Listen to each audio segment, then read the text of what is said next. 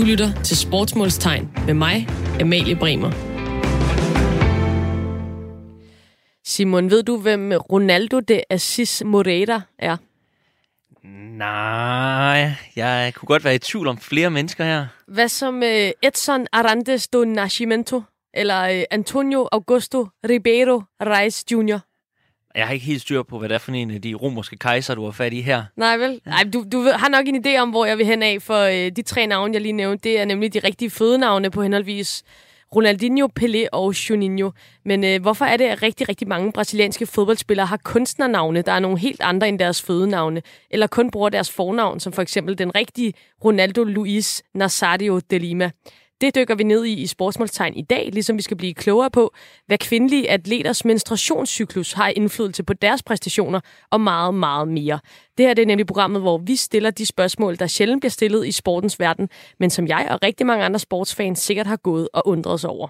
Og øh, også i denne her uge, der har jeg selvfølgelig en hushistoriker med i studiet, og det er dig, Simon Kivits. Øh, du er med for første gang siden corona. Er det godt at være tilbage i Sportsmålstegn? Ja, det er jo det, er jo det sted, man føler sig hjemme, så det har været, øh, været på udebane et par måneder nu, ikke? Ja, det er det. Det har været en forfærdelig tid. Hvad har du, øh, hvad har du lavet under corona? Ikke så meget. Du, har ikke, du har vel nogle gamle støvede bøger, du kunne læse en gang mere derhjemme? eller Åh, et der eller er der, har været bladret lidt i hjemmebiblioteket og spist noget god mad og drukket noget vin. Hygget sig. Det lyder rigtig, rigtig godt, Simon. Øh, Jeg er glad for, at du er her. Lad os bare komme i gang. Radio 4 taler med Danmark. Vi starter med de kære brasilianere og deres underlige navngivning, for helt ærligt så er det pænt forvirrende, at de hedder noget fuldstændig andet end i virkeligheden. Samtidig er jeg og sikkert også rigtig mange kommentatorer rundt omkring øh, glade for, at vi ikke skal sige Antonio Augusto Ribeiro Reis Jr. hver gang vi taler om Juninho, men det er faktisk næsten dem alle sammen, der har en eller anden form for kaldenavn. Så derfor så har vi øh, i dag sat os for at finde ud af, hvor det fænomen stammer fra, og øh, det skal vi tale med en sand ekspert i brasiliansk fodbold om lige om lidt. Men først, Simon, man siger jo, at Brasilien det er fodboldens øh, moderland, og vi vender os også tit mod dem, når vi taler om den rene fodbold. Hvordan kan det være, at øh, Brasilien har den status inden for, for fodbold, som den har? Ja, altså det handler jo selvfølgelig om, at øh, de rent faktisk er et øh, land, der kontinuerligt har præsteret, mens øh, international landsholdsfodbold har fundet sted, og det har været et land, der har været utrolig innovativ i, hvordan fodboldspillet kunne spilles, og øh, hvad skal man sige, øh, har udtrykt sig med en kreativitet øh, hos de enkelte spillere, øh, som også har gjort, at, at det går hen og får den her status som andet end bare et godt hold. Det er også, hvad skal man sige, det de kalder Yoko Bonito, ikke? Det er det smukke spil, de har formået at få etableret. Og det er også den her historie om det her unikke, smukke, øh, kreative, offensive spil, som de, de historier, de dyrker, og som de også lader gå igen i hinandens kaldenavn, er mit, øh, mit bedste bud på, hvorfor vi lige pludselig ser nogle gentagelser osv. Altså, jeg kaldte det jo kunstnavne i, øh, i, i mit oplæg her. Det er måske i virkeligheden meget passende på den måde, som man også ser fodboldspillere i Brasilien. Altså, det er jo kunstnere på en eller anden måde, der har nogle, nogle, nogle meget høje statuser, i hvert fald i forhold til, til, til mange øh, fodboldspillere også øh, på den her side af Atlanten. Ja, altså de er jo, altså, de er jo stjerner og forbilleder på en anden måde, også som altså, eksempler på, at det kan lykkes at komme ud af sin kår og så videre. På den måde er det også, hvad skal man sige, folk, der bliver symptomatiske på øh, drømme og visioner, der faktisk lader sig gøre, også for en, øh, en fattig og pover befolkning. Så på mange måder, så, øh, så er det også øh, et andet materiale, de har arbejdet med, øh, grundet hvad skal man sige, de socioøkonomiske omstændigheder. Og en af dem, som har øh, fingeren på pulsen i forhold til brasiliansk fodbold, både historisk og i dag, det er øh, Peter Arnholdt, øh, talentspejder og ekspert i brasiliansk fodbold, og simpelthen bosat i Belo Horizonte i Brasilien. Så bliver det ikke mere autentisk. Det er fantastisk, du er med her i dag hele vejen fra Brasilien, Peter. Øhm, først så må jeg jo simpelthen lige spørge dig, altså hvad er status på brasiliansk fodbold, og generelt sådan state of the union, der hvor du er i forhold til coronavirus og det hele? Jamen, fodbolden ligger stille, ikke? og det har den så gjort siden den 18. marts. Og øh, ja, spørgsmålet er, hvornår at overhovedet bliver genoptaget. Altså, der er nogle kræfter, der, der prøver at få, få sat øh, gang i, i sagerne øh, så, så hurtigt som muligt, ikke? men der er rigtig mange, der, er- der er døde. Altså, vi har rundet 30.000 øh, nu. Så det er måske ikke lige der, man skal tænke på at sætte øh, nogle kampe i gang. Øh, uanset om det er, er tomme stadion eller, eller hvad. Men altså, der er nogle klubber, der, der er begyndt at, at træne. Ikke? Og øh, vi, status er jo også, at, at vi fik afbrudt det, der hedder de regionale øh, delstatsmesterskaber. Og så øh, skal vi have spillet dem færdigt, og så skal vi så i gang med den, øh, den landsdækkende turnering. og øh, det, jeg tror først, vi får gang i den rigtige serie i ja, nok øh, omkring den 1. Øh, september, øh, hvis, hvis alt går vel. Ikke? Men altså, vi har en masse regionale turneringer, altså 27 stykker delstatsmesterskaber, som, som mangler at få kåret en, en vinder. Øh, så så det, det, det venter vi på, at, at det bliver sat i gang. Så der er, der er masser af kampe, der skal spilles på den anden side, lyder det som. Øh, det vi jo egentlig øh, startede med at snakke om øh, her i dag, det er det her med de brasilianske fodboldnavne, de her kaldenavne, kunstnernavne, sådan agtigt kaldte vi dem. Øh, og, altså, vil du måske starte med at fortælle os, hvor den her tendens, den stammer fra?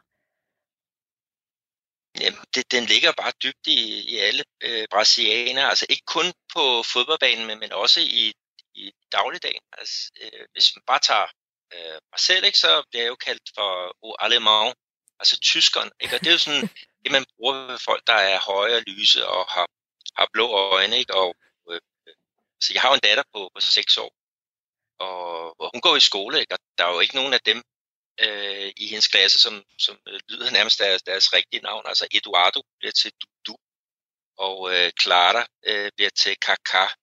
Ikke? Og, og, og, og bare ting, altså sådan noget som en bog, øh, det hedder en livro, men det bliver så til en livrinho, altså en lille bog. Øh, og, og, der, altså, og den der injo, øh, endelse, ikke? det er noget, man, man gør, når, når tingene bliver, bliver mindre, og injo, altså, du var bare til med, med, med spillernavn, ikke? Ronaldinho, for mm. eksempel, mm. altså, det er jo, det er jo lille Ronaldo, ikke? og Paulinho, som vi, vi har i, i FC Midtjylland, ikke? det bliver jo så, det er jo lille øh, Paul. Ja. Så, så det, det, den, er bare, den er bare i vores, øh, kultur hernede, ikke? og det er jo et eller andet sted meget, meget charmerende. Altså forestil dig i Danmark, hvis man en lærer siger, kan du ikke hente den lille bog og tage din lille blyant og, og huske at drikke din lille kop. Øh, så, sådan, sådan er det. Sådan er dagligdagen hernede. Og det, det er et sted meget, meget sødt og, og charmerende. Ja, altså jeg ved ikke, om, om den er lidt søgt, den her, men jeg kommer over til at tænke på, om det på en eller anden måde siger noget om, om den brasilianske kultur, altså i forhold til det her lejende element, og at man hele tiden sådan, øhm, ja, har en eller anden, altså det, det er jo også det, vi kender brasiliansk fodbold for, altså Ronaldinho nævner du selv, altså han spillede altid med et smil på læben og så videre, altså tror du det også, at det er der, det ligesom stammer fra, at det også er hældt over i fodbolden på den måde? Ja, det, det er det, altså det, brasilianere er gode til ligesom at, at omfavne, ikke? Og, og netop når du når du kalder noget, noget, noget andet, ikke, så er det jo netop med til at fortælle, at du måske har en speciel relation til, øh, til vedkommende. Det er sådan mm. et gæt, som, som jeg har, ikke? men, men det, det er jo, nogle, det er jo et, et folkefærd, der, der godt kan lide at, altså de er meget kropslige, de godt lide at, altså når man hilser på hinanden, ikke, så giver man jo en, en omfavnelse, ikke? Øh, men, men, men også sprogligt, altså jeg, jeg, jeg kigger ikke på, altså når jeg bliver kaldt tyskeren, så, så kigger jeg ikke på det som det er noget nedværdigende, men, men noget som, som altså de, de, jeg, jeg er med i deres, øh, hvad skal jeg kalde det, i, i deres øh, dagligdag, dagligdag, og jeg har den der, den der karakteristika, og, og, og, og det, det er fint. Altså, de må også kalde mig Peter, men, øh, og det gør de også, men, men der er rigtig mange, der siger alle. Så det er... Øh... Det må jeg blive brasilianer eller accepteret. Ja, præcis. Det er vel så et, et kompliment på en eller anden måde. Øhm, I forhold til de her fodboldspillere, som, som bliver kaldt det, er det noget, der så øh, hænger fast på dem fra barns ben af, eller er der nogle af de her navne, altså Ronaldinho og øh, Juninho og øh, Jorginho og så videre, er det noget, der kommer til senere, når de bliver fodboldstjerner, eller er det noget, der bare hænger ved hele livet? Det, der er faktisk også nogle af dem, hvor at, at navnet det, det forandrer sig øh, okay. over, over tid. Ikke? Øh, altså, der, der sker en eller anden, en eller anden hændelse. Altså, der var en, en spiller hernede, der hed, øh, der hedder Paulinho, øh, for eksempel, og, og øh, way back, der, der i forbindelse med en kamp, der, der lavede han sådan en, en, en øh, sådan Formel 1 ære til fordel for, for Ayrton Senna, ikke? og Ayrton Senna på det tidspunkt, han kørte i McLaren, så derfra så kom han til at hedde Paulinho McLaren. øhm, og og der, der er rigtig mange eksempler, og, og nu, altså, øh, Ronaldo, som, som vi snakker meget om, altså fænomenet, mm. øhm, han i starten, da han spillede på landsholdet, der var der en, en anden, der også hed Ronaldo, og han blev så kaldt for Ronaldo, altså store Ronaldo. og så øh, var der jo så Ronaldo, der på det tidspunkt, øh, altså når du kiggede på kamprapporten, så hed han Ronaldo, og det stod også på ryggen af ham. Men internt i, øh, i den øh, øh, i landsholdslejen, så blev han kaldt for Ronaldinho, altså lille Ronaldo. Okay. Og, øh, og så når vi så går spoler tiden frem fra 94 til 2002, hvor der også var en øh, VM-slutrunde, hvor det gik godt for brasilianerne, ja. Ikke, så var der Ronaldo, han var jo stadigvæk Ronaldo, ikke? men der var jo kommet ham der Gauchoen det er det. Øhm, frem. Ja, ikke? Ja, den lille, ja. Øh, han var sådan den, den nyeste skud på stammen, ikke? og han blev så kaldt for Ronaldinho. Øh, men det, det hedder han allerede i, i sin klub i Gdansk. Men, men øh, uh, der, der, der sker noget undervejs, og det, det er rigtig, øh, rigtig charmerende, synes jeg. Og, men men øh, altså, jeg, jeg kan egentlig også rigtig godt lide det, men, men det er som om, at der også er, er sket et skifte, når jeg kigger på det over tid, fordi jeg synes, at, at øh, i de senere år, der ser vi måske mere sådan en forsimpling af de brasilianske navne, og hvor de ikke får helt nye navne, som vi har set tidligere. Altså, for eksempel har vi Alisson Becker i, i Liverpool, som vi bare kender, kender som Alisson, og Neymar hedder jo også Neymar til fornavn, men bruger så også kun det som sit øh, kunstnernavn. Altså, er det, er det lidt på vej ud, det her med at give spillerne helt nye navne, og så kalder de sig bare noget mere forsimplet i dag, eller hvordan ser du det? Det, det, tror, jeg, det tror jeg ikke. Øh, altså, der er jo også nogle af dem, som, som spiller på landsholdet, altså Casemiro for eksempel. Mm. Ikke, da han øh, startede sin karriere, så, så, så blev han kaldt for Carlon, altså øh, Stor Carlos. Det er hans, øh, hans fornavn. Og så, så blev det så til Casemiro, ikke? Og når, hvis du kigger på en stopatest, så staves det jo Case, altså der er Casi mm. med I, og så Miro. Og det blev så til Casemiro. Jeg ved ikke hvorfor. Men, men det er jo også noget af det, der, der er meget sjovt hernede. Altså sådan stavemåden, det er jo ikke altid, de tager det, tager det lige højtidligt. Men, men jeg, jeg ser ikke, at, at det er, er på vej øh, ud. Altså jeg kan så måske godt se det der, at, at de opkalder øh, øh deres børn efter nogle idol, eller hvad man skal, skal kalde det. Altså Gary Lineker for eksempel, øh, der, der er børn hernede, der er opkaldt efter ham. Den, den skal, øh, bomber, ikke? Men de staver det jo helt, altså de staver det med y og med to ender, og, ja. og skal komme efter. Så, så en gang imellem, så skal man lige tænke, tænke hvordan, hvordan er det nu, det her staves, og så, okay, hvordan er det så det til udtalelse. Og der er altså Beckenbauer for eksempel, altså den tyske øh, generelt. ikke? Altså det, der staver de ikke BK, men med, hvad er det, QE, altså øh, de får det puttet ind. Men det, det er sådan, de hører det, og det er sådan, derfor også sådan, som de, de staver det. Øh, og, og ja, men, altså der, der er rigtig mange pudsigheder øh, hernede på, på navnet. Men, men øh, nej, jeg, jeg synes ikke, det er noget, der er ved at, at gå ud. Altså det, det ligger i øh, hernede, men man skal selvfølgelig have lidt, lidt, lidt, lidt flashy navn, ikke? Og, og alle sådan, altså når man hedder det i navnet, så hvorfor ikke når man spiller på banen. Og jeg ved, at øh, altså, øh, man kan sige, der er, der er jo rigtig mange fede brasilianske fodboldnavne, øh, sådan også igennem historien af Garrincha og Zico og, og så videre. Men Pelé, det er måske et af dem, der sådan stikker mest ud, og som, som mange er faldet over det. Og det hed han jo heller ikke. Altså, kan du fortælle, hvor, hvor det kaldenavn det kommer fra? Ja, men altså, han hedder jo Edson, eller hernede der siger de jo Edison Arantes do Nascimento. Og øhm, han var faktisk opkaldt efter, at ham, der opfandt øh, lampen, Edison. Øh, men, men når han øh, spillede fodbold øh, på gaden derhjemme, der, der var han kæmpe fan af en af hans øh, fars holdkammerater, en øh, målmand, der hed øh, Billet. Og, øh, og Pelé, da han startede der, lille øh, Edson, der var han, han elskede at stå på mål. Og når han lavede en, en god redning, ikke, så så ligesom så tilegnede han det til, til hans store idol, ikke? Så han sagde for eksempel, at råbte, Boa Billet. og, øh, og det betyder sådan rigtig godt øh, Billet. Ja. Og de der um, hold, eller de der kammerater på gaden, de kunne ikke forstå, hvad var det egentlig, han råbte. Så de troede, han råbte Pelé, i stedet for Billet. Og der, så fik han øh, øh, påduttet det der navn. Nå, men altså, du må jo være øh, Pelé, siden du råber hans navn øh, hele tiden. Ikke? Og han var faktisk rigtig sur over det i starten, og der var mange, øh, han måtte slås for, at, at øh, de skulle holde op med at kalde ham det, men det, det hang ved. Og det, øh, det blev så til verdens største sportsbrand. Øh, så, så må ikke han er glad for det den dag i dag. Jo, det, det skulle man mene. Og så, så, så der er jo også ligesom sådan en form for tendens i tendensen, og du var lidt inde på det, det her med McLaren. Altså, der, der er sådan en del nordamerikanske referencer, altså Lincoln og Washington, og der er også Fred og så videre. Hvad er det nu for noget med, med det, sådan, det nordamerikanske, der kommer ind over? Ja, jeg, jeg ved det ikke, altså, men det er jo det der altså, idoler, øh, som man har, altså nogen, som, som forældrene de, de ser op til. Øh, altså, det er jo måske dem, der, der, har, øh, der følger med i, hvad der sker uden for, for Brasiliens. Øh, mm. Brasilien er jo, er jo kæmpe, kæmpe stort. Øh, så, så der er nogen, der, der giver det som sådan ære for, for nogle store øh, præsidenter, ikke? og så okay. håber, at der kommer nogle af de, de kvaliteter, altså Washington for eksempel, ikke? Øh, Kennedy er der jo også en, der, der hedder. Øh, eller der er flere, der hedder der, dernede, ikke? og så håber de, at, at karakteristikerne, de også øh, følger med. Ikke for at lægge noget pres på, på barnet der, men...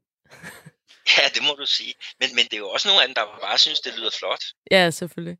Øhm, altså, jeg tænker sådan lidt, altså, der må være nogle af de her navne, som måske for os øh, europæere lyder sådan meget eksotiske, og, men som måske er, sådan, er helt almindelige i Brasilien. Altså, hvad er sådan det brasilianske Jensen-navn, øh, som bare er helt ikke ekstraordinært derovre?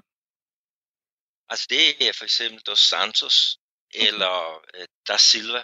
Øh, det, det er der rigtig mange, der, der hedder han, hernede. Og så hvis, hvis alle spillerne de kun havde deres, deres efternavn på, på ryggen, som vi ser i Europa, ikke, så, vil, så vil der være otte øh, Dos Santos på i en kamp her øh, i Serie A. Så, så den går ikke. Altså man må ligesom øh, differentiere sig på en eller anden måde. Og der er, er navnet jo en, ja, en vigtig brik i, i det. Og det er, det er skønt, de gør det. Det er, det er skønt at følge med og, og meget sjovere end herhjemme, hvor alle hedder, hedder et eller andet med, med søn til efternavn. Øh, Peter Arnholdt, talentspejder og ekspert i brasiliansk fodbold. Tusind tak, fordi du var med til at gøre os klogere på det her. Over en Skype-forbindelse hele vejen fra Belo Horizonte i Brasilien.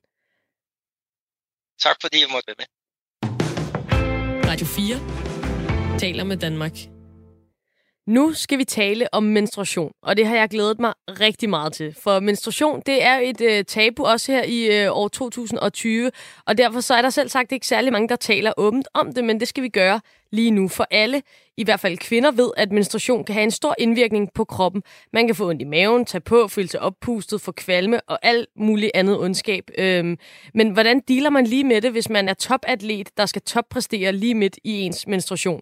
En ting er, hvis man spiller fodbold to gange 45 minutter, det går måske lige an, men hvad i alverden gør man, hvis man er maratonløber og skal være i gang i mange, mange timer, og man pludselig er ved at bløde igennem, eller hvad hvis man er cykelrytter, hvor hvert et gram tæller, og så har man lige pludselig taget et kilo på, fordi at det er den tid på måneden. Jeg mener bare, for os andre helt almindelige mennesker, der er menstruationen et sindssygt irriterende element hver evig eneste måned. Så hvor belastende må det ikke være for elitesportsfolk? Øh, det skal vi finde ud af nu. Men først, Simon, øh, først og fremmest, hvordan kan det være, at menstruation det er et tabu, både historisk, men også i dag? Ja, der kan man nok ikke komme udenom, at, øh, at historien frem til i dag altså trækker rødder til, til den, den tidlige, det tidlige menneskes historie-agtige. Øh, særligt hvis vi tager fat i den her franske, franske forfatter og filosof øh, Simone de Beauvoir, der har overvejet rigtig meget omkring, øh, hvordan kønnen er skabt og forventninger til kønnen osv. Så, videre. så hvis man kigger tilbage i tiden, så har det jo også handlet om, hvad har der kunne lade sig gøre i forhold til, at der skulle jages og så videre. Og der har kvinder, det er jo så øh, graviditeten i særdeleshed, der er et handicap her. Der står de i en position, hvor de i hvert fald i ni måneder må gøre sig afhængig af manden. Derfor så står manden i en øh, privilegeret position i forhold til at skulle være den ledende type, der skulle stå for jagten, den mm. fysiske aktivitet osv. Derfor så bliver det jo også manden, der skal lave øh, alle de her, hvad skal man sige, øh, alt sporten, alle de her træninger til jagten, som jo sport traditionelt set er. Mm. Øh, samtidig med, at øh, at hvad skal man sige, manden kommer til at stå i den her dominerende rolle, så er det også ham, der kommer til at begynde at lave historierne om kønnen og kønsforskellene. Og det, man ser, det er jo som menstruation for eksempel, som en afgørende, noget afgørende andet for manden. Det er øh, det her med at bløde ud af sig. Det er altså, når man bløder, og vi taler helt tilbage på savannen, så er det fordi, du er ved at dø. Øh, så det er, hvad skal man sige, øh, det, er noget, det er noget slemt og frygteligt, der sker med kvinden. Også derfor, at man så i, i, i, i primitive samfund og sådan noget, ser, ofte ser, at kvinden skal være sat i, øh, i hus eller hytte i ja. en periode, hun menstruerer osv. Øh, så derfor så, hvad skal man sige, så vinder manden en masse ting på baggrund af det her, og kvinden kommer til at blive identificeret via menstruation, som er noget, altså noget farligt, noget destruktivt. Øh, og det er ligesom, hvad skal man sige, nogle positioner, der starter der og kommer til at gå igen i ja, altså hele menneskehedens historie, det er patriarkatet, der på en eller anden måde bliver bygget op der med manden i centrum og som den historiefortællende øh, i det, og kvinden som det andet køn. Og det, øh, altså det, det, er jo, det er jo underligt, at, øh, at altså, det undrer mig, at det, han, altså, når det handler om Rafael Nadals øh, Achilles-scene eller Christian Eriksens lyske, altså, så har vi absolut intet problem med at tale om det øh, og spekulere i det, men når det handler om noget, der har enormt stor indvirkning på en kvindelig atlets krop, nemlig menstruation, så øh, er der rimelig stille, og det, det giver jo mening, det du siger, men hvor er det dog også skørt, at, at, at noget fra for så lang tid siden også kan have indvirkning på i dag? Maja Alm, du er tidligere mangedobbelt verdensmester i orienteringsløb, og øh, først og fremmest så er jeg rigtig glad for, at du vil være med til at tale om det her emne, fordi øh, som vi lige snakkede om, så er det jo sådan lidt underligt på en eller anden måde, at, at når det handler om mænds fysik, så er der ikke rigtig nogen øh, emner, som vi ikke kan tage op i forhold til sport og atleter osv. Men når det handler om noget som menstruation, som har stor indvirkning på kvindelige atleter, så er det ikke rigtig noget, man snakker så meget om. Er det også et tabu, som du oplever som topatlet? Ja, det synes jeg. Øh, jeg synes, mange mænd har rigtig svært ved at tale om det og forholde sig til det. Jeg synes faktisk, blandt øh, de kvindelige atleter, som øh, jeg taler med, der synes jeg, at der begynder at være en noget større åbenhed. Øh, men på tværs af kønnen er der ikke, nej. Og hvordan, altså, hvordan er det så som, som kvindelig atlet for eksempel at skulle involvere et helt... Altså nu tænker der jo selvfølgelig både kvindelige og mandlige trænere, men, men det der med, når det stadig er et tabu, så skulle involvere et helt træner- og sundhedsteam i, i sin menstruationscyklus?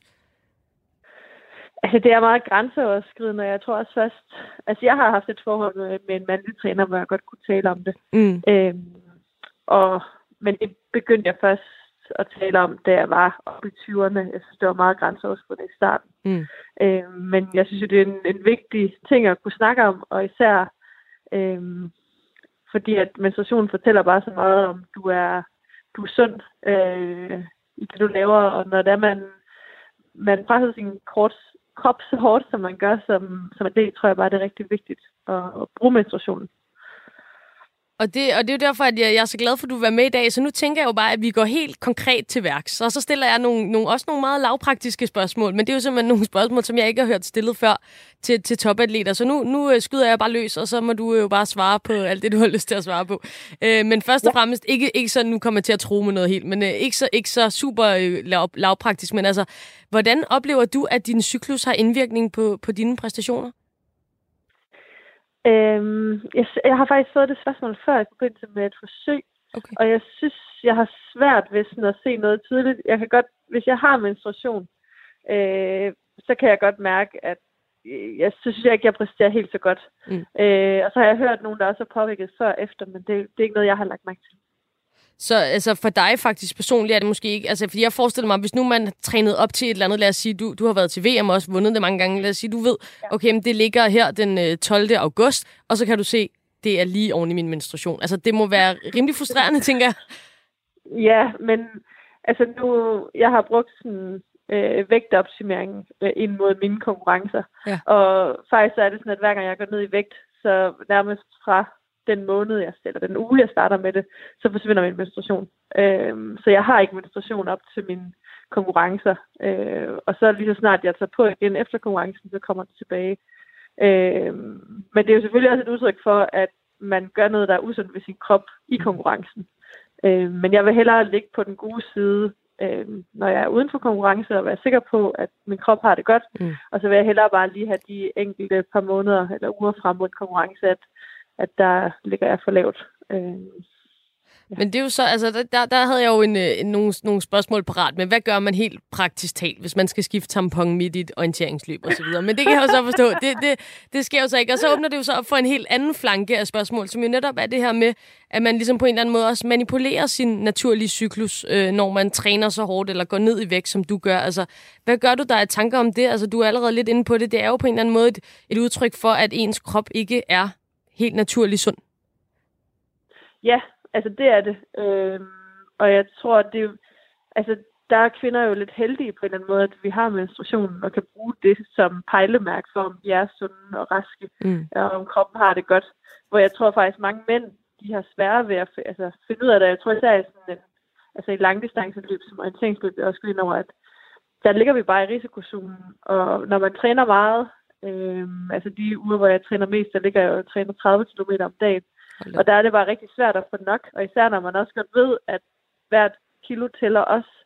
Øhm, og det kan godt betale sig at ligge på en optimal vægt øh, for, for sporten, men det er jo ikke nødvendigvis en optimal vægt for, for ens krop, øh, sådan for at have det godt. Så, så jeg, jeg vil hellere øh, vide, at min krop har det godt, øh, 10 ud af 12 måneder, og så er jeg hård ved den i to måneder. Ja. Øh, men så passer jeg også godt på ud over. Men, øh, men det, er da, det er da klart, at det, ja. Og, og hvordan, altså man kan sige, øh, altså der er jo også sådan almindelige mennesker, der regulerer deres cyklus ved hjælp af for eksempel p-piller og sådan noget, men, men for, ja. for topatleter, der er det simpelthen din erfaring, at, at kroppen fuldstændig regulerer sig selv i og med, at når du begynder at træne hårdt, jamen så, så, ja, så pauser din cyklus på en eller anden måde. Ja, altså det, det er, når jeg begynder at lægge det i, i energiunderskud. Okay. Øhm, og det har jeg selvfølgelig også. Jeg laver det her øh, vægttab i forbindelse, eller i samarbejde med en, en af sine Danmarks diætister, for at ja. være sikker på, at det foregår på en ordentlig måde. Så det er ikke noget, jeg vil sige, der er nogen, der bare skal gøre. Nej, nej, for guds skyld. Det, det, øh, så, så det er kun noget, jeg gør der. Øh, eller så, ja, det vil jeg ikke turde gøre alene. Nej. Øh, men, men det er jo det, der er svært, fordi jeg kan jo så se, okay, hvis jeg så tager øh, de kilo på igen, som jeg har tabt efter et, et VM, øh, og så kan jeg sige, så kommer min menstruation igen. Og det er jo der, hvor at, at det er lidt farligt for, for mændene, fordi de har jo ikke menstruationen. Mm. Øh, men altså, jeg har også, øh, jeg brugt, eller jeg havde problemer med, med menstruation, da jeg var yngre, øh, og smerter øh, op mod konkurrence. Så jeg begyndte ja. faktisk allerede på p-piller, da jeg var 16 øh, for netop også at kunne regulere det. Øh, så jeg har, jeg har gjort det tidligere, men det var okay. også inden jeg begyndte at gå i vægtoptimering, som jeg gør nu. Ja. Men altså, jeg tænker også, ja, fordi at, altså, man kan sige, det, det er jo selvfølgelig sundt at have en, en regelmæssig cyklus, men nu er du øh, en af verdens bedste til, til den sport, du dyrker, og så er det måske bare, ja, det lyder som om, det er så et, øh, et, ja, et offer på en eller anden måde, som du ligesom tager for at kunne være, kunne være på toppen og max præstere, når du skal. Ja, altså jeg tror jo heller ikke, det er sundt for kroppen at løbe 30 km om dagen, egentlig. det er ikke sundt for så, mig Så i jeg hvert fald. presser jo min krop rigtig meget. Øhm, og jeg ved, at der er mange atleter, der ligger sådan øh, lige på grænsen til at være for tynde hele året. Og ja. der vil jeg hellere øh, ligge lidt for højt øh, de her 10 måneder for at, at vide, at, at jeg har det godt, og at min krop har det godt, og så lige gå ned i et par. For jeg tror, at kroppen kan sagtens klare sådan nogle uger med, med for lav vægt. Mm. Men hvis det, er, det bliver for lang tid, så begynder der at komme sådan noget som træthedsbrud og længerevarende skader. Øhm, så, så jeg synes, det er i hvert fald en model, der har fungeret rigtig godt for mig øh, at gøre det på den måde. Vil du være, Maja Alm, altså tusind tak, fordi at uh, du var med her og, og ligesom stillet op for at svare på spørgsmål omkring menstruation som uh, topatlet. Det var super interessant at, at høre, i hvert fald ikke noget, som jeg har hørt før, så tak fordi at du var klar på det. Jo, selvfølgelig.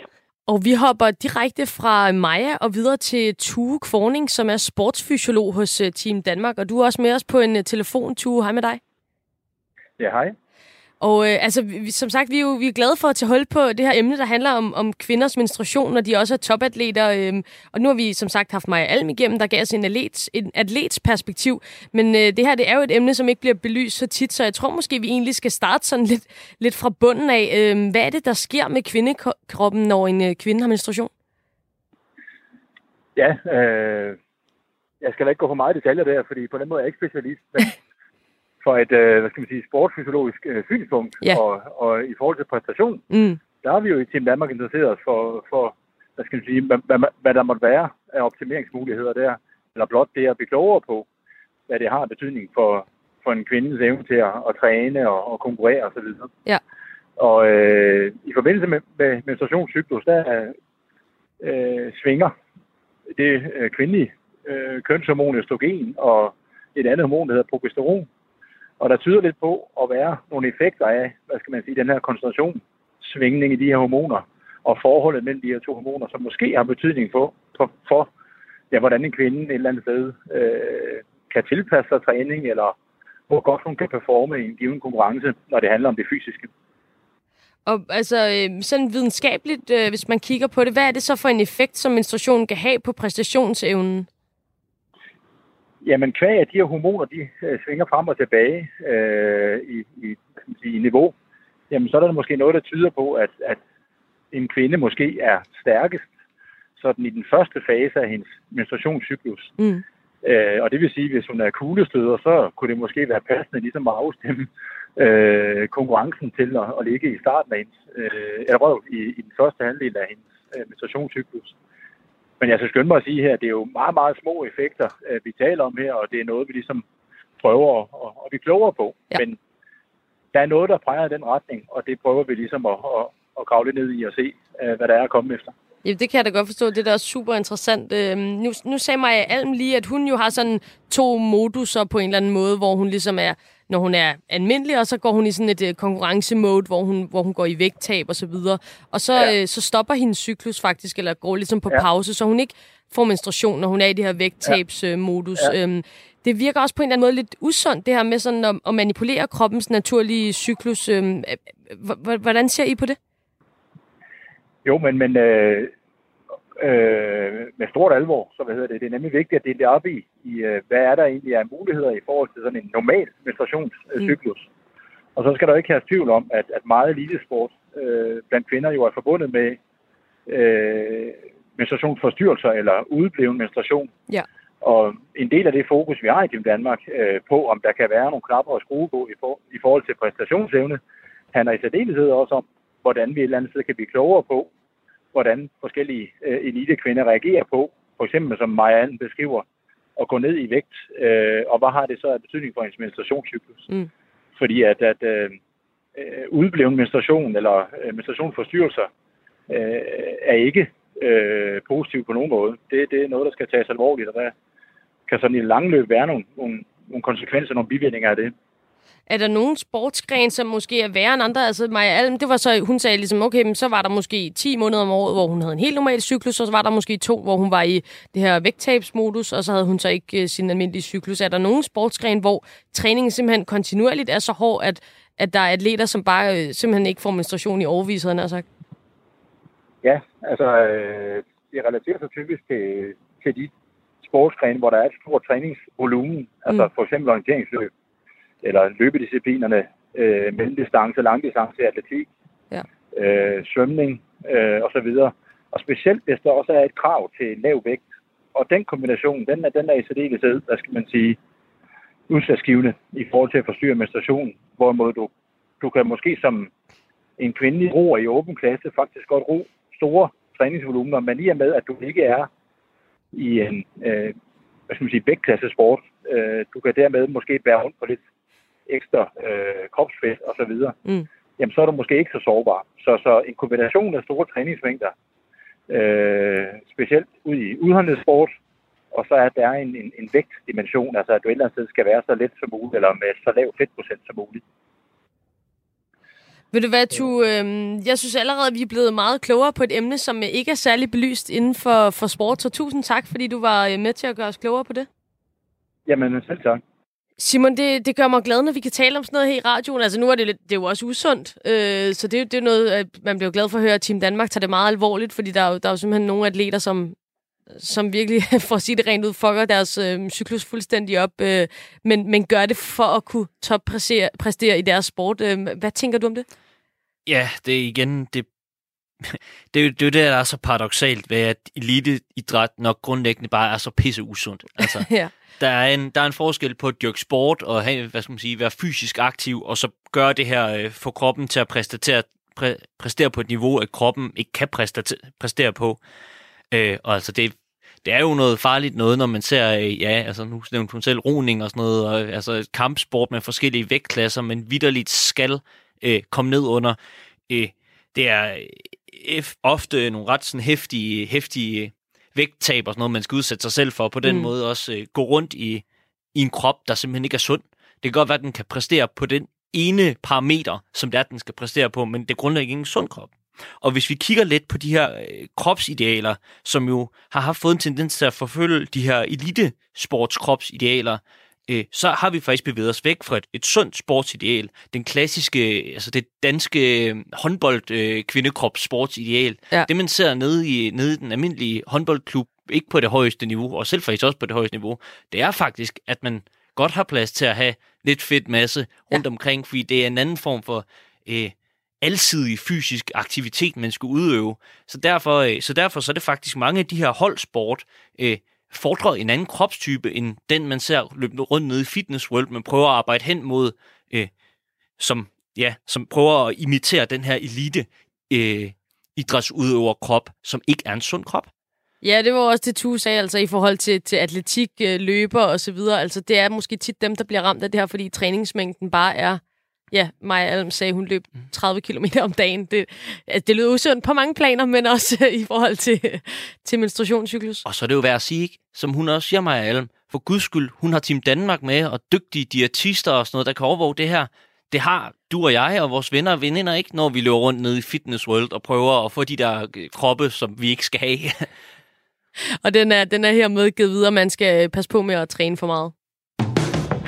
Radio 4 taler med Danmark. Vi er i fuld gang med sportsmålstegn her på Radio 4. Mit navn det er Amalie Bremer, og med mig i studiet der har jeg vores øh, hushistoriker Simon Kivits. Vi dykker ned i en masse spørgsmål fra sportens verden og får svar på alt det, du ikke vidste, du havde brug for at vide. Det næste, vi kaster os over, det er et emne, der på samme tid er øh, lidt latterligt, ærligt talt, Simon, og samtidig fascinerende. Øh, jeg har nemlig altid undret mig over, at man i amerikanske sportsgren kalder vinderne for verdensmestre. Eller ikke, altså ikke amerikanske sportsgrene, men i amerikanske ligaer. Altså vinder du NBA, øh, den amerikanske basketballliga, en basketballliga ud af hundredvis af basketballligaer i hele verden, jamen så må du kalde dig verdensmester. Øh, det samme gælder inden for baseball, amerikansk fodbold i NFL og så videre, men, men hvorfor er det sådan, og er det et, øh, et skønt og meget sådan udtalt eksempel på, at amerikanerne synes, at de er verdens navle, eller er det reelt cool nok, eftersom der nok ikke findes bedre basketballligaer eller fodboldligaer end den amerikanske? Øh, Simon, hvad tror du? Altså, hvorfor er det, at amerikanerne altid skal være større og stærkere og bedre og hurtigere end alle de andre? Ja, altså...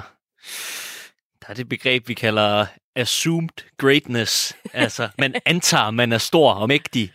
Øh, og den, øh, det er måske noget, som øh, øh, sådan amerikansk kultur i bred forstand øh, har lidt en selvforståelse af. Jeg tror, det kommer fra mange dele. Jeg tror, det kommer af, at... Øh, til dels, at man har opfundet en masse ting selv, fordi man vil gøre ting på egen måde. Altså, men det der med, at man er en gammel kolonimagt, der har gjort oprør mod England, gjort op med Europa, og ikke taget deres traditioner med sig nødvendigvis, men har vi lavet sin egne i kontrast dertil.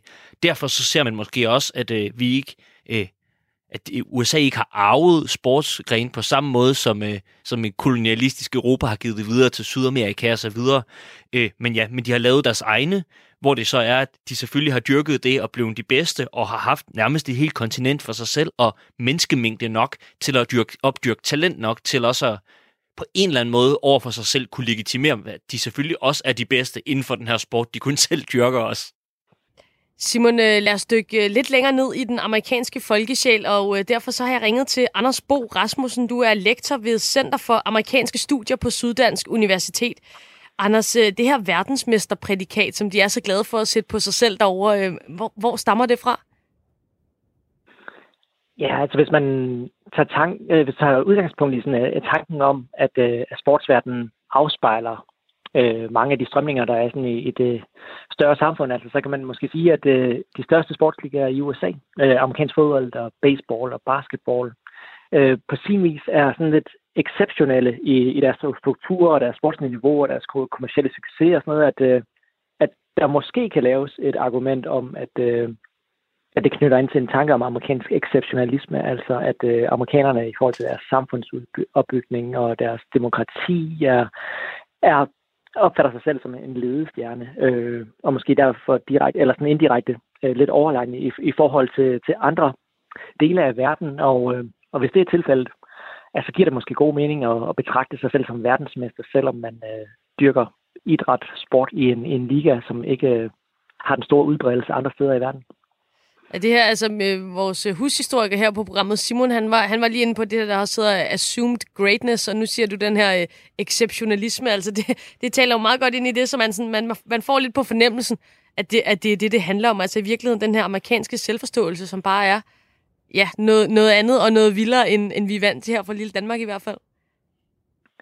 Ja, altså, det, det kan man jo sige, at, øh, og det, der er sådan lidt specielt ved, ved de her ligaer, den amerikanske fodboldliga, baseballligaen og basketballligaen, som, som er de mest populære i USA, er jo, at det, det på mange måder er private ligaer, som er, er løsrevet fra, fra den måde, som, som vi opfatter idrætter og, og sportsligaer på i, i Danmark eksempelvis. Altså der, der er et eller andet specielt over den måde, som de har opbygget deres ligaer på, og det faktum, at de, at de er private et eller andet sted, gør jo, at, øh, at de stjerner, som de har fremelsket øh, i, ved hjælp af den her særlige sociale struktur, mm. også er endt med at være de, de dygtigste i verden. Øhm, og derigennem giver det måske god mening, at de argumenterer for, at de er verdensmester, men, øh, men det lyder sådan, det klinger en lille smule hult, måske uden for amerikanske grænser, når man siger sådan, ja, det, det kan jeg da godt forstå, når der ikke er andre, der virkelig har brugt tid og energi på at opbygge sådan nogle ligaer.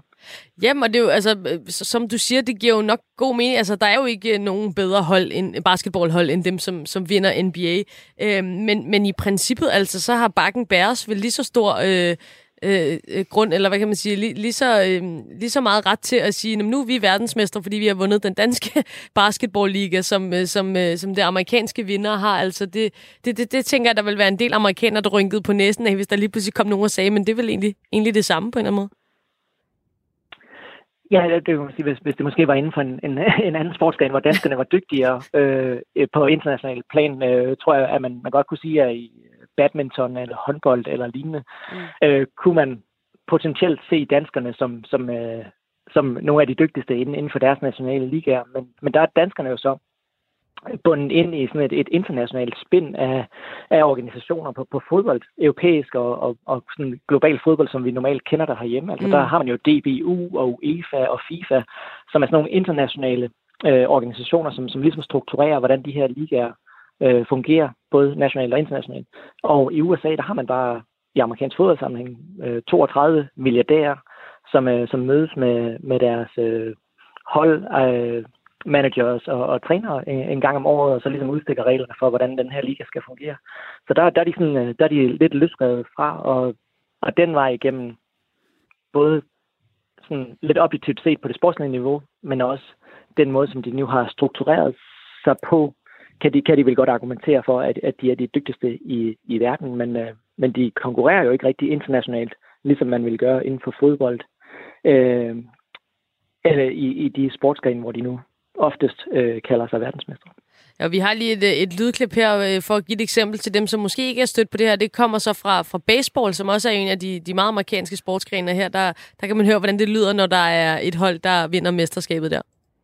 Here they are, one strike away, one out away. 3-2. Here it is! The Washington Nationals are world champions for the first time in franchise history. Det var altså også nogle uh, world champions her. Simon, jeg ved, du også har et, uh, et spørgsmål til Anders.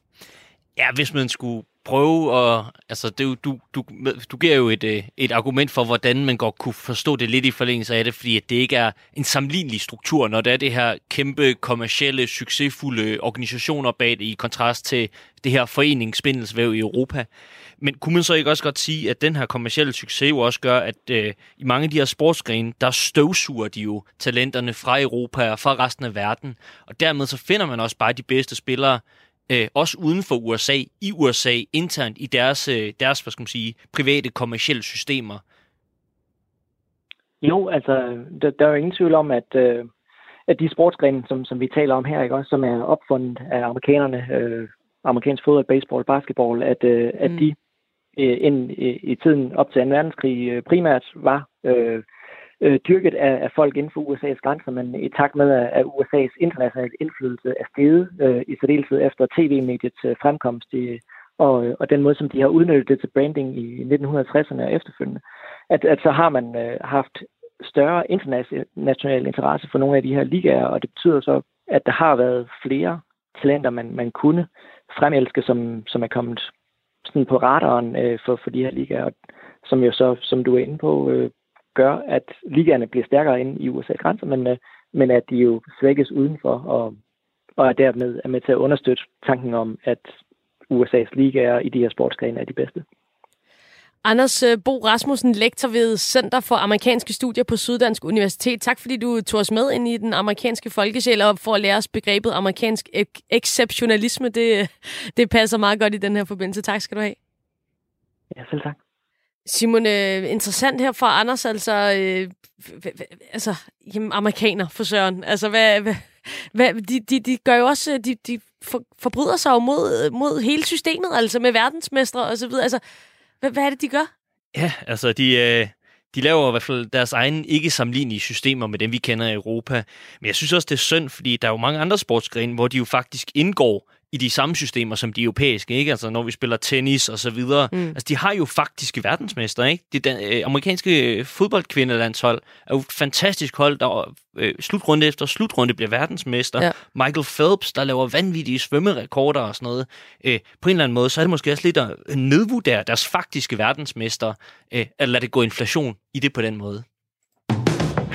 Radio 4 taler med Danmark relativ alderseffekt. Øh, smag lige på det, Simon. Det er ikke uh, super sexet, vel?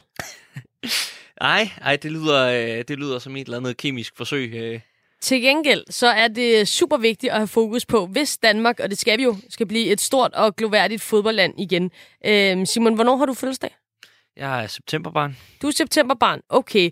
Kan du så huske, da du spillede fodbold som knægt, at der var øh, ret stor forskel på dem i din årgang, der måske var født i januar?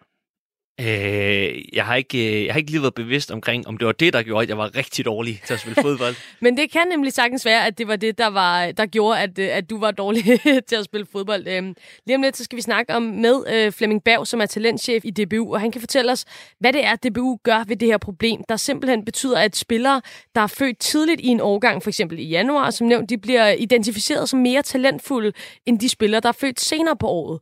For når man spiller i årgangen, som man gør i fodbold, så kan der jo reelt være 11 måneder mellem spillerne, og det kan faktisk udgøre en rigtig, rigtig stor forskel, når man for eksempel er børnespiller. Og derfor så viser det sig, at man måske taber nogle af de spillere øh, på gulvet, som, øh, som måske som unge og voksne senere i livet kunne være blevet rigtig, rigtig gode, men som tidligt er blevet sorteret fra på grund af, at de er blevet født senere på året, og derfor ikke har været på fysisk omgangshøjde med, øh, med dem fra deres årgang, der er født tidligt på året. Øh, og det skal vi jo ikke bede om, Simon. Altså, vi skal, vi skal have nogle små vævre teknikere, og de skal jo bæres op i systemet. Der er jo ikke, altså, bare fordi man er født i september ligesom dig, hvad kunne det ikke være blevet til? Ja, jeg kunne have været en stor målmand øh, på i hvert fald jeg, fire niveauer eller sådan noget. Ja, ikke? Ja. Så øh, lad os lige høre, hvad, hvad Flemming Berg, han, han skal gøre os klogere på det her relative alderseffekt, og øh, fortælle os, hvad det er, man gør i DBU. Og øh, Flemming Bav, du er med på en øh, telefon, som sagt talentchef i DBU. Nu øh, prøvede jeg med sådan lidt øh, brækket arm her at forklare, hvad relativ alderseffekt det egentlig går ud på. Kan du måske lige kort forklare os, øh, hvad, hvad, er, hvad er det sagen er her?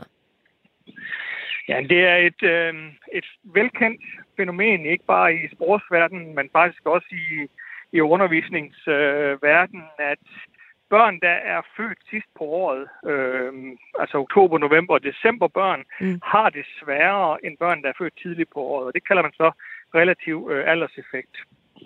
Og hvad, når du siger sværere, altså selvfølgelig der må være noget fysisk og sådan noget, men hvor, hvor er det helt konkret problemet, det opstår for dem, der er født senere på året? Ja, der er flere. Det er, selvfølgelig er der en fysisk forskel, fordi hvis du tænker på et barn, som er øh, 6 år eller 7 år, og så den forskel, der kan være i de måneder, om man er født i januar eller man er født i december, mm. så det er jo en stor del af en barns liv, og det betyder, at der selvfølgelig er nogle fysiske øh, forskelle, fordi øh, barnet, der er født i januar, øh, alt andet lige har haft længere tid til at udvikle sig, men der er også kognitive forskelle. Øhm, så det vil sige, at børnene, der er født tidligt på året, er også kognitivt mere udviklet, eller tidligere udviklet, end børn, der er født sidst på året. Og dermed er de jo også tidligere klar til eksempelvis at gå til fodbold, eller gå til håndbold, eller gå i skole, eller, eller andre ting. Og det betyder bare, at de kommer fra start der er de foran på nogle forudsætninger, som udelukkende er på baggrund af, at de er født øh, tidligt på året. Og hvor, altså, jeg ved, at det er noget, som I er meget opmærksom øh, på hos øh, DBU, og hvad, hvad er det, I gør for at afhjælpe sådan et problem her? Ja, vi er meget opmærksom på det, og det, det er ikke sådan set ikke bare et, øh, et spørgsmål om at sige, at vi selvfølgelig har øh, øh en, en gruppe der af, øh, af børn og spillere, som, øh, som har det sværere, og som vi dermed øh, potentielt mister mm. i forhold til at kunne blive landsholdsspillere, som jo selvfølgelig er det, vi sidder med i DBU. Ja. Men det er i bund og grund ikke det, det handler om. Det, det, det handler om, det er jo en eller anden retfærdighedssans om, at alle børn skal have lige muligheder. Øh, og sådan er det desværre ikke lige nu. Det, det viser sig, det er, du har bare væsentligt bedre forudsætninger, hvis du er født tidligt på året. Ligesom du også har bedre forudsætninger, hvis du er født tæt på et elitemiljø, som for eksempel en Superliga-klub. Øh, det vil sige, at du er født øh, sidst på året og, og over i Thy, så har du det bare sværere. Øh, og det, den retfærdighedssans, den betyder bare, at det her det er noget, der ligger os meget på sinde, fordi det skal være sådan, at uanset hvad, når man er barn og begynder at spille fodbold, eller spille håndbold, eller, eller eller hvad man gør, fordi det her det er jo gældende i rigtig mange idrætsgrene, hvor der mm. er en fysisk betydning, så skal alle børn bare have lige muligheder, og derfor ligger det også meget på sinde i DBU. Og øh, altså, når man læser på jeres hjemmeside, der står også noget om det her, og der, der, handler, der skriver I, at det handler om at se potentiale frem for præstation, og det lyder jo, altså, det lyder jo virkelig godt øh, i, i mine ører.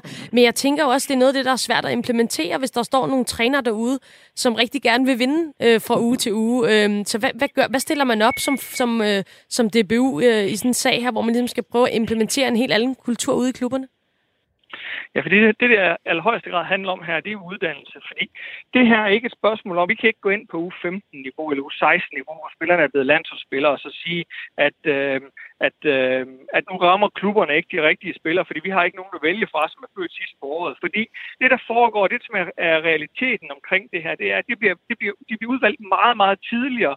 De bliver faktisk ikke udvalgt, fordi der er nogen, der står og plukker dem, men fordi at de forældre, som for eksempel står ude og er frivillige træner i, i spillerne, øh, hos spillerne, de er 6, 7 og 8 år, de, de ved jo ikke bedre. Det er jo ikke af ond mening. Det er jo ikke nogen, der vil børnene dårligt. Nej. Men de står derude, og så tænker de jo lige her, hmm, okay, ham her spilleren, han, han præsterer, og han gør det godt. Han får mest opmærksomhed til træning. Han kommer måske med ud og spiller stævner ofte.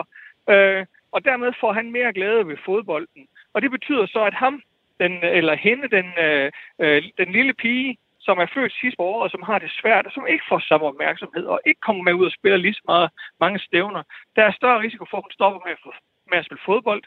Øhm, og så betyder det jo, at jamen, så er det færre at vælge fra igen i mm. gruppen, som er, øh, som er født sidst på året. Og, og derfor er det noget, som det, det, det er virkelig, virkelig kompliceret det her. Og uddannelse og og indsatser øh, fra, øh, fra øh, både DBU og lokalunioners side ude i brede miljøerne til at gøre opmærksom på, at her er rent faktisk noget, vi, at vi skal være klar på, fordi der, der, der, er sådan nogle, der er nogle strukturer i det, som bare gør det svært. Det er jo sådan typisk, at når man starter til fodbold, så er det et eller andet alderstrin, man kan starte på i en klub. Det kan mm. være, at det er U5 eller U6 fodbold. Og det vil sige, at det er en overgang, som starter med fodbold.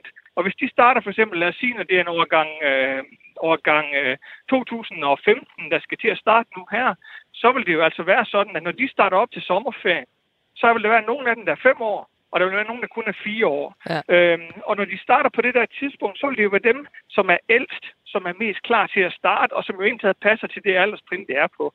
Og derfor er det så kompliceret, det her. Det er ikke noget, man, sådan, det er ikke noget, man bare lige gør ved, men, men uddannelse og det at gøre opmærksom på det, og lære klubberne øh, omkring det, og igennem træneruddannelsen, og gøre opmærksom på, at vi har den her udfordring omkring relativ alderseffekt, ikke bare i fodbold, men, men i hele idrætsverdenen i Danmark. Det er, det er noget, der ligger os rigtig meget på sinde. Og det er vi jo øh, helt vildt glade for at høre her i Sportsmålstegn, fordi vi sidder jo bare og klapper i vores øh, små hænder, hvis vi kan tænke på, at vi kan få nogle flere Pernille Harder og nogle flere øh, Christian Eriksen-typer øh, derude. Øhm, og jeg ved, at der er andre lande, hvor man også virkelig har lagt en indsats i forhold til det her, for eksempel Belgien. Øhm, kan du kort her til sidst give mm. os et, øh, nogle eksempler på, hvad er det, man har gjort i andre lande, og hvordan har det virket? Ja, men der er nogle lande, der har, øh, der har forsøgt nogle tiltag. Der er faktisk ikke så mange tiltag lige nøjagtigt omkring relativ alderseffekt, okay. og hvor vi har endnu nogle valide data, vi kan bruge. Øh, men Belgien og øvrigt sammen med Danmark var jo de første til at oprette det, vi kalder future landshold. Ja. Øh, som er landshold på U16-niveau, men også på U15 talentcenter, som er for spillere, som fysisk eller kognitivt er senere udviklet end deres jævnaldrende. Mm. Det skal, der skal man dog huske på her, at man kan jo godt være future-spiller, selvom man er født i januar, ja. fordi man bare er sent udviklet. Ja. Så det vil sige, det, der er det, ikke, det er ikke noget det er ikke, det er ikke lignagtigt relativ alderseffekt her. Men selvfølgelig betyder det jo, at oftest de spillere, der kommer med på future-landsholdene, vil faktisk være spillere, der er født sidst på året. Så derfor har det alligevel en effekt. Mm. Men Belgien og Danmark var de første til at starte op på det her, og nu er der efterhånden kommet nogle flere lande med. Men der er heller ingen tvivl om, at i, i, i lande med så begrænset et indbyggertal som Danmark, der er det endnu vigtigere end i lande som Tyskland og Spanien og Brasilien og England, hvor der er rigtig, rigtig mange spillere. Øhm, og dermed rigtig mange, som, som potentielt kan blive, øh, altså blive landsholdsspillere. Men det er igen, det er bare meget, meget vigtigt for mig at huske på, at selvfølgelig handler det også om Christian Eriksen og Pernille Harder, og det er vigtigt for os at huske på. Mm. Men det aller, aller vigtigste, det er altså, at alle, alle drenge og piger kan opleve glæden ved at, at, at, at dyrke fodbold eller øve en anden idrætsgren. Øh, og, og få den der øh, glæde ved den kropslige udfoldelse og, og, øh, og det sociale, som ligger i, i øh, holdsport. Og ved du hvad, Flemming, det er, er vi rigtig glade for at høre herinde fra. Øh, tusind tak, Flemming Berg, talentchef i DBU, fordi du var med til at gøre os klogere på relativ alderseffekt. Det var så let. Tak. Radio 4 taler med Danmark. Så er vi nået til vejs ende i dagens udgave af Sportsmålstegn. Simon Kivits, dagens hushistoriker. Tusind tak, fordi du var med her i studiet igen. Det var så et. Det var skønt at være tilbage. Det er godt. Det har været en øh, fornøjelse at være i selskab med din krøllede hjerne endnu en gang. Og øh, husk derude, at du kan finde tidligere udgaver af Sportsmålstegn på Radio 4's hjemmeside og på diverse podcast-apps, hvis du skulle være interesseret i at lytte mere til os. Og ellers så er det altså lørdag kl. 16-17, at du kan fange os i radioen. Mit navn er Amalie Bremer. Tak fordi du har lyttet med, og vi lyttes ved i næste uge.